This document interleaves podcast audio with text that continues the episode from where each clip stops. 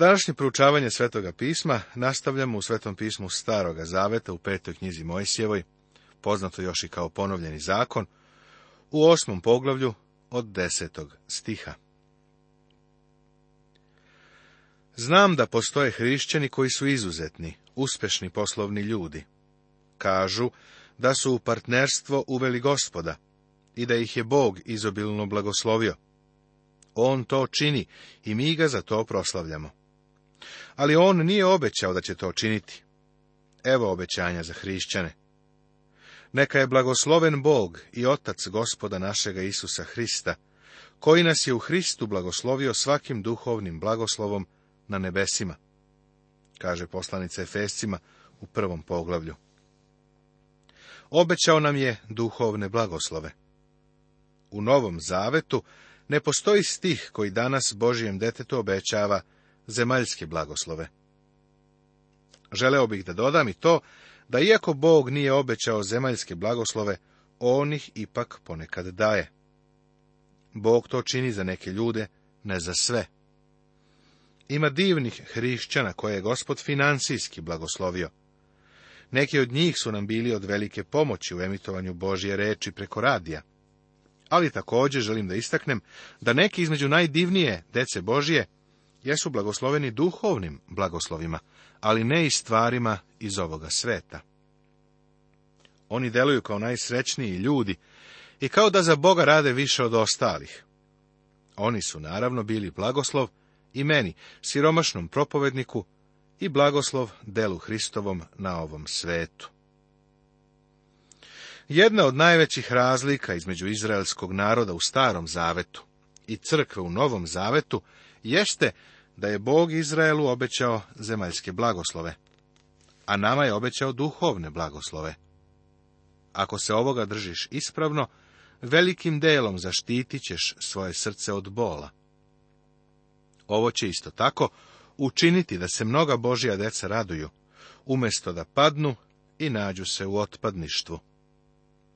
Prijatelju, ako se nalaziš u niskom ekonomskom stanju, iskoristi duhovne blagoslove i uživaj u bogatstvu koje ti je Bog obećao. Ješćeš i bit ćeš sit, pa blagosiljaj gospoda Boga svojega za dobru zemlju, koju ti da. I čuvaj se da ne zaboraviš gospoda Boga svojega, bacivši u nemar zapovesti njegove, i zakone njegove i uredbe njegove, koje ti ja zapovedam danas.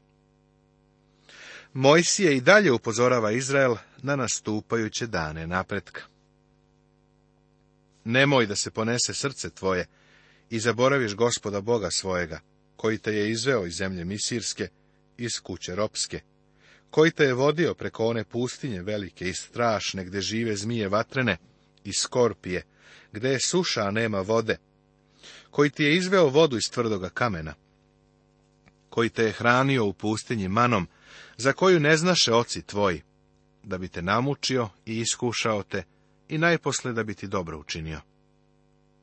Najposle, u hiljadugodišnjem carstvu koje će doći, Bog obećava da će od Izraela načiniti vodeći narod, vodeći u zemaljskim blagoslovima. Bog to nije obećao crkvi, prijatelju. Zato ovo obećanje ne prilagođava i sebi. Gospod Isus je rekao, idem da vam pripremim mesta. A kada vam pripremim mesta, doći ću ponovo i uzeću vas kod sebe, da i vi budete tamo gde sam ja. Nada Božijeg deteta danas jeste da će Hristos doći da nas uzme sa ovoga sveta. Nada Izraela je bila usmerena na ovaj svet. Ova razlika je od krajnje važnosti. Ako budeš pokušavao da pomešaš ove blagoslove, doći će do zbrke. Mnogo takozvanih teologa koristi mikser. Celu Bibliju stave u mikser, pa sve izmešaju, naprave zbrku. Ako dozvoliš da sveto pismo govori ono što i govori, videćeš da je Bog vrlo određen kada daje obećanja. Niti govori u srcu svom, moja snaga i sila moje ruke dobavila mi ovo blago, nego se opominji gospoda Boga svojega, jer ti On daje snagu da dobavljaš blago, da bi potvrdio zavet svoj, za koji se zakleo ocima tvojim, kao što se vidi danas. Kada izraelski narod dođe u svoju zemlju i doživi napredak, onda znaj da su poslušni Bogu. Kada u zemlji nema napretka i uspeha, to je pokazatelj da ne slušaju Boga. Pogledaj današnji Izrael, pa onda sam prosudi. Ako li zaboraviš gospoda Boga svojega i pođeš za drugim bogovima, i njima staneš služiti i klanjati se, svedočim vam danas da ćete zacelo propasti. Propašćete kao narodi koje gospod potire ispred vas, jer ne poslušaste glasa gospoda Boga svojega. Ovo je Božje upozorenje njima. Bog obećava da će ih blagosloviti ako mu budu poslušni. Ako ne budu poslušni, postupat će prema njima kao što je postupao prema onim narodima koji su u toj zemlji bili pre njih. U stvari, Bog je prema njima postupao gore nego prema prethodnim narodima. Znaš li zašto? Jer je Izraelu bilo dato više svetlosti. Svetlost stvara odgovornost pred Bogom. Poglavlje deveto Tema Bog je poznavao Izrael. Njihova prošlost nije bila dobra. Bog sada ovoj novoj generaciji ljudi daje pregled prošlosti izraelskog naroda. Njihova prošlost nije bila dobra. Bog ih je spasao ne zato što su bili dobri. Nije ih pozvao zato što su bili izuzetna nacija, jer nisu bili takvi. Bog i nas spasava ne zato što smo izvanredni ili nadmoćni ili dobri. Bog spasava jedino loše ljude. To je jedina vrsta ljudi koja on spasava. Sećam se jednog događaja kada sam išao iza nekih članova crkava u kojoj sam radio. Dok smo prolazili kroz park, neki pijanica ih je molio za malo novca. Mi smo naše članove podsticali da takve ljude upućuju u misiju, gde će im se pružiti pomoć. Ali ovaj čovjek to nije želeo, hteo je novac da bi kupio vino. Kada sam ja došao, prosjak mi je rekao da su ti ljudi koji su otišli napred, a koji idu u crkvu, mislili da su bolji od svih drugih. Rekao sam mu, baš je zanimljivo što ti kažeš da oni misle da su bolji od ostalih. Slučajno ih poznajem, pa se sećam dana kada su došli Hristu. Znaš li zašto su mu došli? Prosjek me je iznenađeno posmatrao. Došli su mu jer su mislili da su gori od svih ostalih. Mislili su da su grešnici i da im je potreban spasitelj. Zato su došli Hristu. Vidiš, ovaj čovjek je imao ideju koja je rasprostranjena, da je crkva sačinjena od ljudi koji misle da su bolje od ostalog naroda. U nekim slučajevima to jeste istina. Ali ako to jeste istina, onda to svakako nije crkva u novozavetnom smislu. Bog nas spasava zato što smo loši, zato što smo grešnici. Čuj, Izraelu, ti danas prelaziš preko Jordana, da uđeš i naslediš narode veće i jače od sebe, gradove velike i ograđene do neba. Danas se ne odnosi na 24-časovni dan, nego na vreme kada će ući u zemlju. Veliki visok narod, sinove enakove koje znaš i za koje si slušao. Bog izveštava o zemlji i taj izvešta je gori od onoga koji su donile uhode. Bog je poznavao zemlju i znao je ko je u zemlji ali im je ipak rekao da idu i uđu tamo. Oni su to odbili jer nisu verovali Bogu. Bog je znao divove koji su se tamo nalazili. Znao je sve poteškoće. Obećao je da će ići sa njima. Martin Luther je rekao, jedan sa Bogom predstavlja većinu. Prijatelju, ako si sa Bogom, onda si u većini. U stvari, Hrišćani ovdje dole na zemlji pripadaju manjinskoj grupi. Ali reći ću ti nešto što ovaj svet ne zna sa Bogom. Mi smo u većini. Jedan sa Bogom predstavlja većinu. Znaj dakle danas da je gospod Bog tvoj, koji ide pred tobom, oganj koji spaljuje. On će ih istrebiti i on će ih oboriti pred tobom. I zagnaćeš ih i istrebiti brzo, kao što ti je kazao gospod. Bog na sebe preuzima odgovornost da ih istera iz zemlje. On je zemljoposednik, on je stvoritelj. On ima pravo da to učini. Kada čujem kako se liberalni teolozi žale na ovo, prosto bi im rekao, ti mali Nikogoviću bolje da ćutiš, ti i ja smo samo malena stvorenja ovde na zemlji. Bog je suvereni stvoritelj, a mi smo stvorenja. Kad ih gospod Bog tvoj otera ispred tebe, nemoj da rečeš u srcu svom, za pravdu moju uvede me gospod u ovu zemlju, da je nasledim. Jer gospod tera one narode ispred sebe, za nevaljalstvo njihovo. Bog kaže da će on isterati te druge narode, jer su ti narodi zli a ne zato što je pravedan narod koji uvodi u zemlju. Bog to sasvim jasno pokazuje. Ne ideš za pravdu svoju, ni za čistotu srca svojega, da naslediš tu zemlju, nego za nevaljalstvo tih naroda, gospod Bog tvoj, tera ih ispred tebe, i da održi reč za koju se zakleo ocima tvojim, Avramu, Isaku i Jakovu. Bog nije došao da izbavi Izrael zato što je to bio divan narod. On je sve vreme znao da su oni tvrdovrat narod, ali je čuo njihov vapaj u Egiptu. Prijatelju, ako ti uvidiš da si grešnik i da ti je potreban spasitelj, onda treba da mu zavapiš radi spasenja. On će te čuti. Znaš li zašto? Ne zbog toga kosi si ti, nego radi Hrista. Ako se u veri obratiš Hristu, on će te spasiti. Znaj dakle, da ti gospod Bog tvoj ne daje te dobre zemlje za pravdu tvoju da je naslediš, jer si tvrdovrat narod. Znaš li da Bog ne spasava nas zato što smo dobri? Mi smo grešnici. Spasava nas radi Hrista, ne radi nas samih. Prijatelju, ako misliš da će na neki način Bog u tebi pronaći nešto što zaslužuje spasenje, bolje da zaboraviš na to, jer ćeš se razočarati. Bog te poznaje i On kaže da u tebi uopšte ne nalazi ništa pravedno. Bog nas spasava radi Hrista. Sve što nam je potrebno, Bog nalazi u Hristu. Kako je to divno!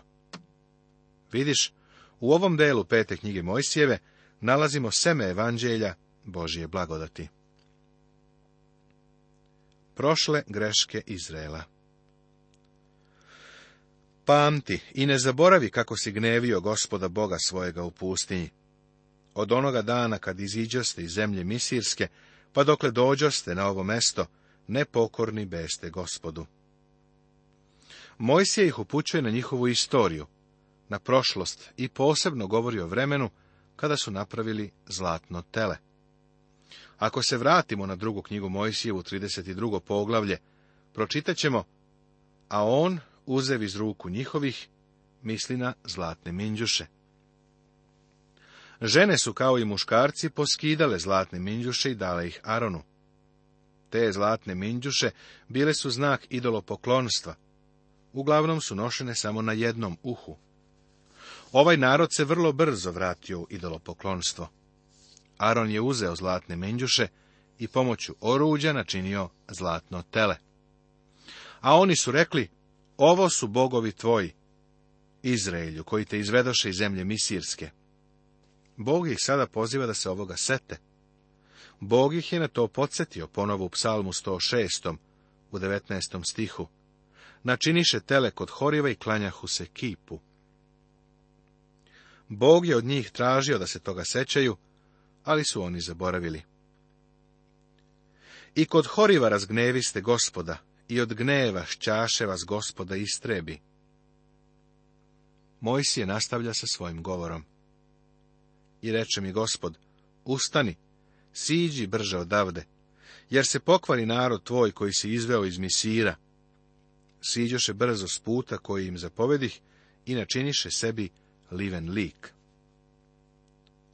Baš u vreme kada su oni pravili zlatno tele, Mojsije je bio na gori i dobijao je zapovest. Dve od tih zapovesti odnosile su se upravo protiv onoga što su oni radili.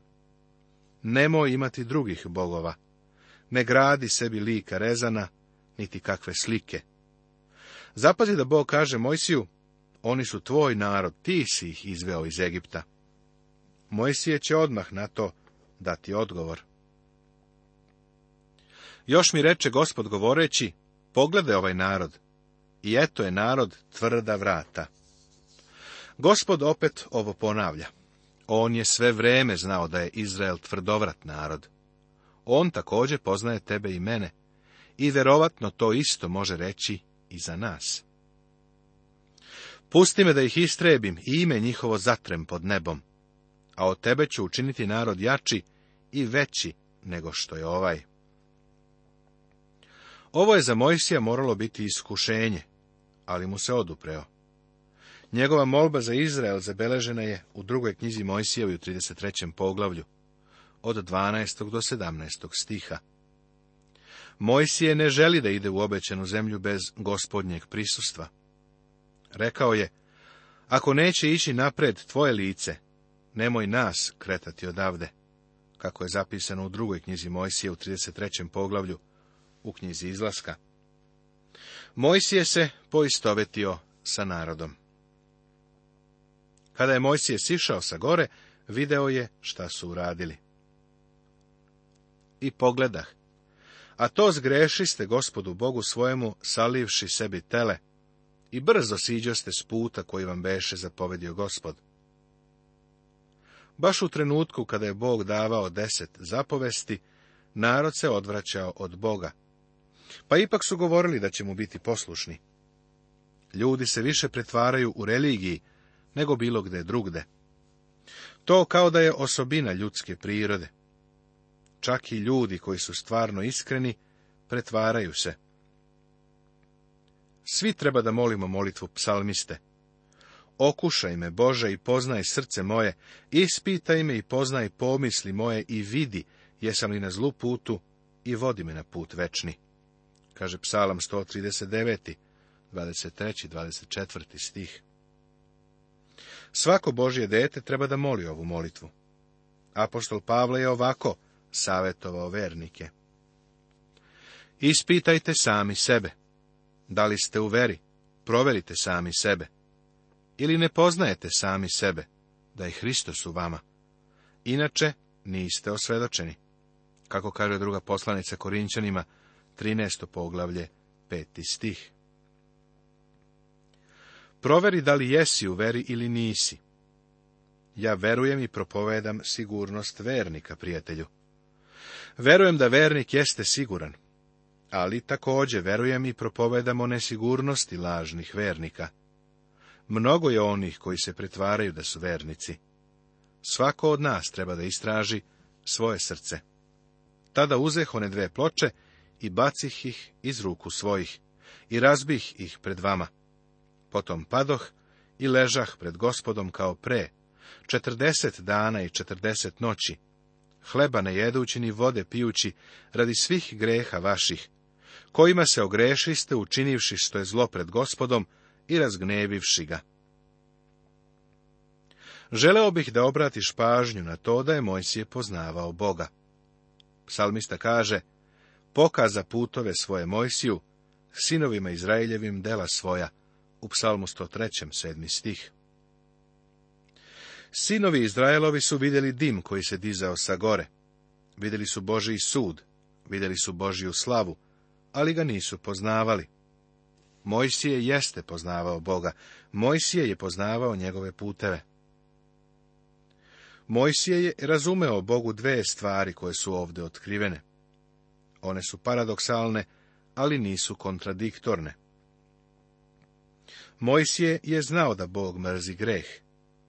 Želim da kažem da mi danas nemamo ni blagu predstavu o tome koliko Bog mrzi greh i kako namerava da ga kazni. Mojsije je pao na lice pred Bogom, postio je i vapio Bogu četrdeset dana i četrdeset noći. Zašto?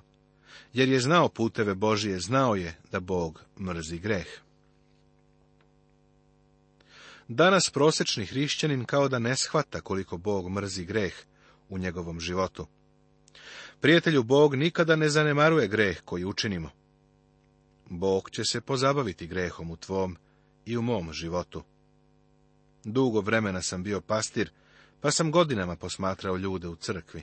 Hoću da kažem da sam video kako se ljudi u crkvi poigravaju sa Bogom. Video sam kako zanemaruju kvalitet i samo im je važno kako će se pred drugima predstaviti. Dani su se tako pretvarali u godine i ja sam video kako se Božja ruka u vidu suda pokrenula u njihovom životu. Nekada je sud bio krajnje ozbiljan. Posebno se sećam čoveka koji je došao kod mene i doslovno pao na kolena i plakao, jer više nije mogao da izdrži ono kroz šta ga je Bog provodio izgubio je decu, porodicu. Sećam ga se kao mladog čoveka koji je naglo postigao uspeh. Kao mlad se oženio, ali je mislio da se Bogom može da se poigrava. Bog mrzi greh. Bog kažnjava greh. Nastavit će se.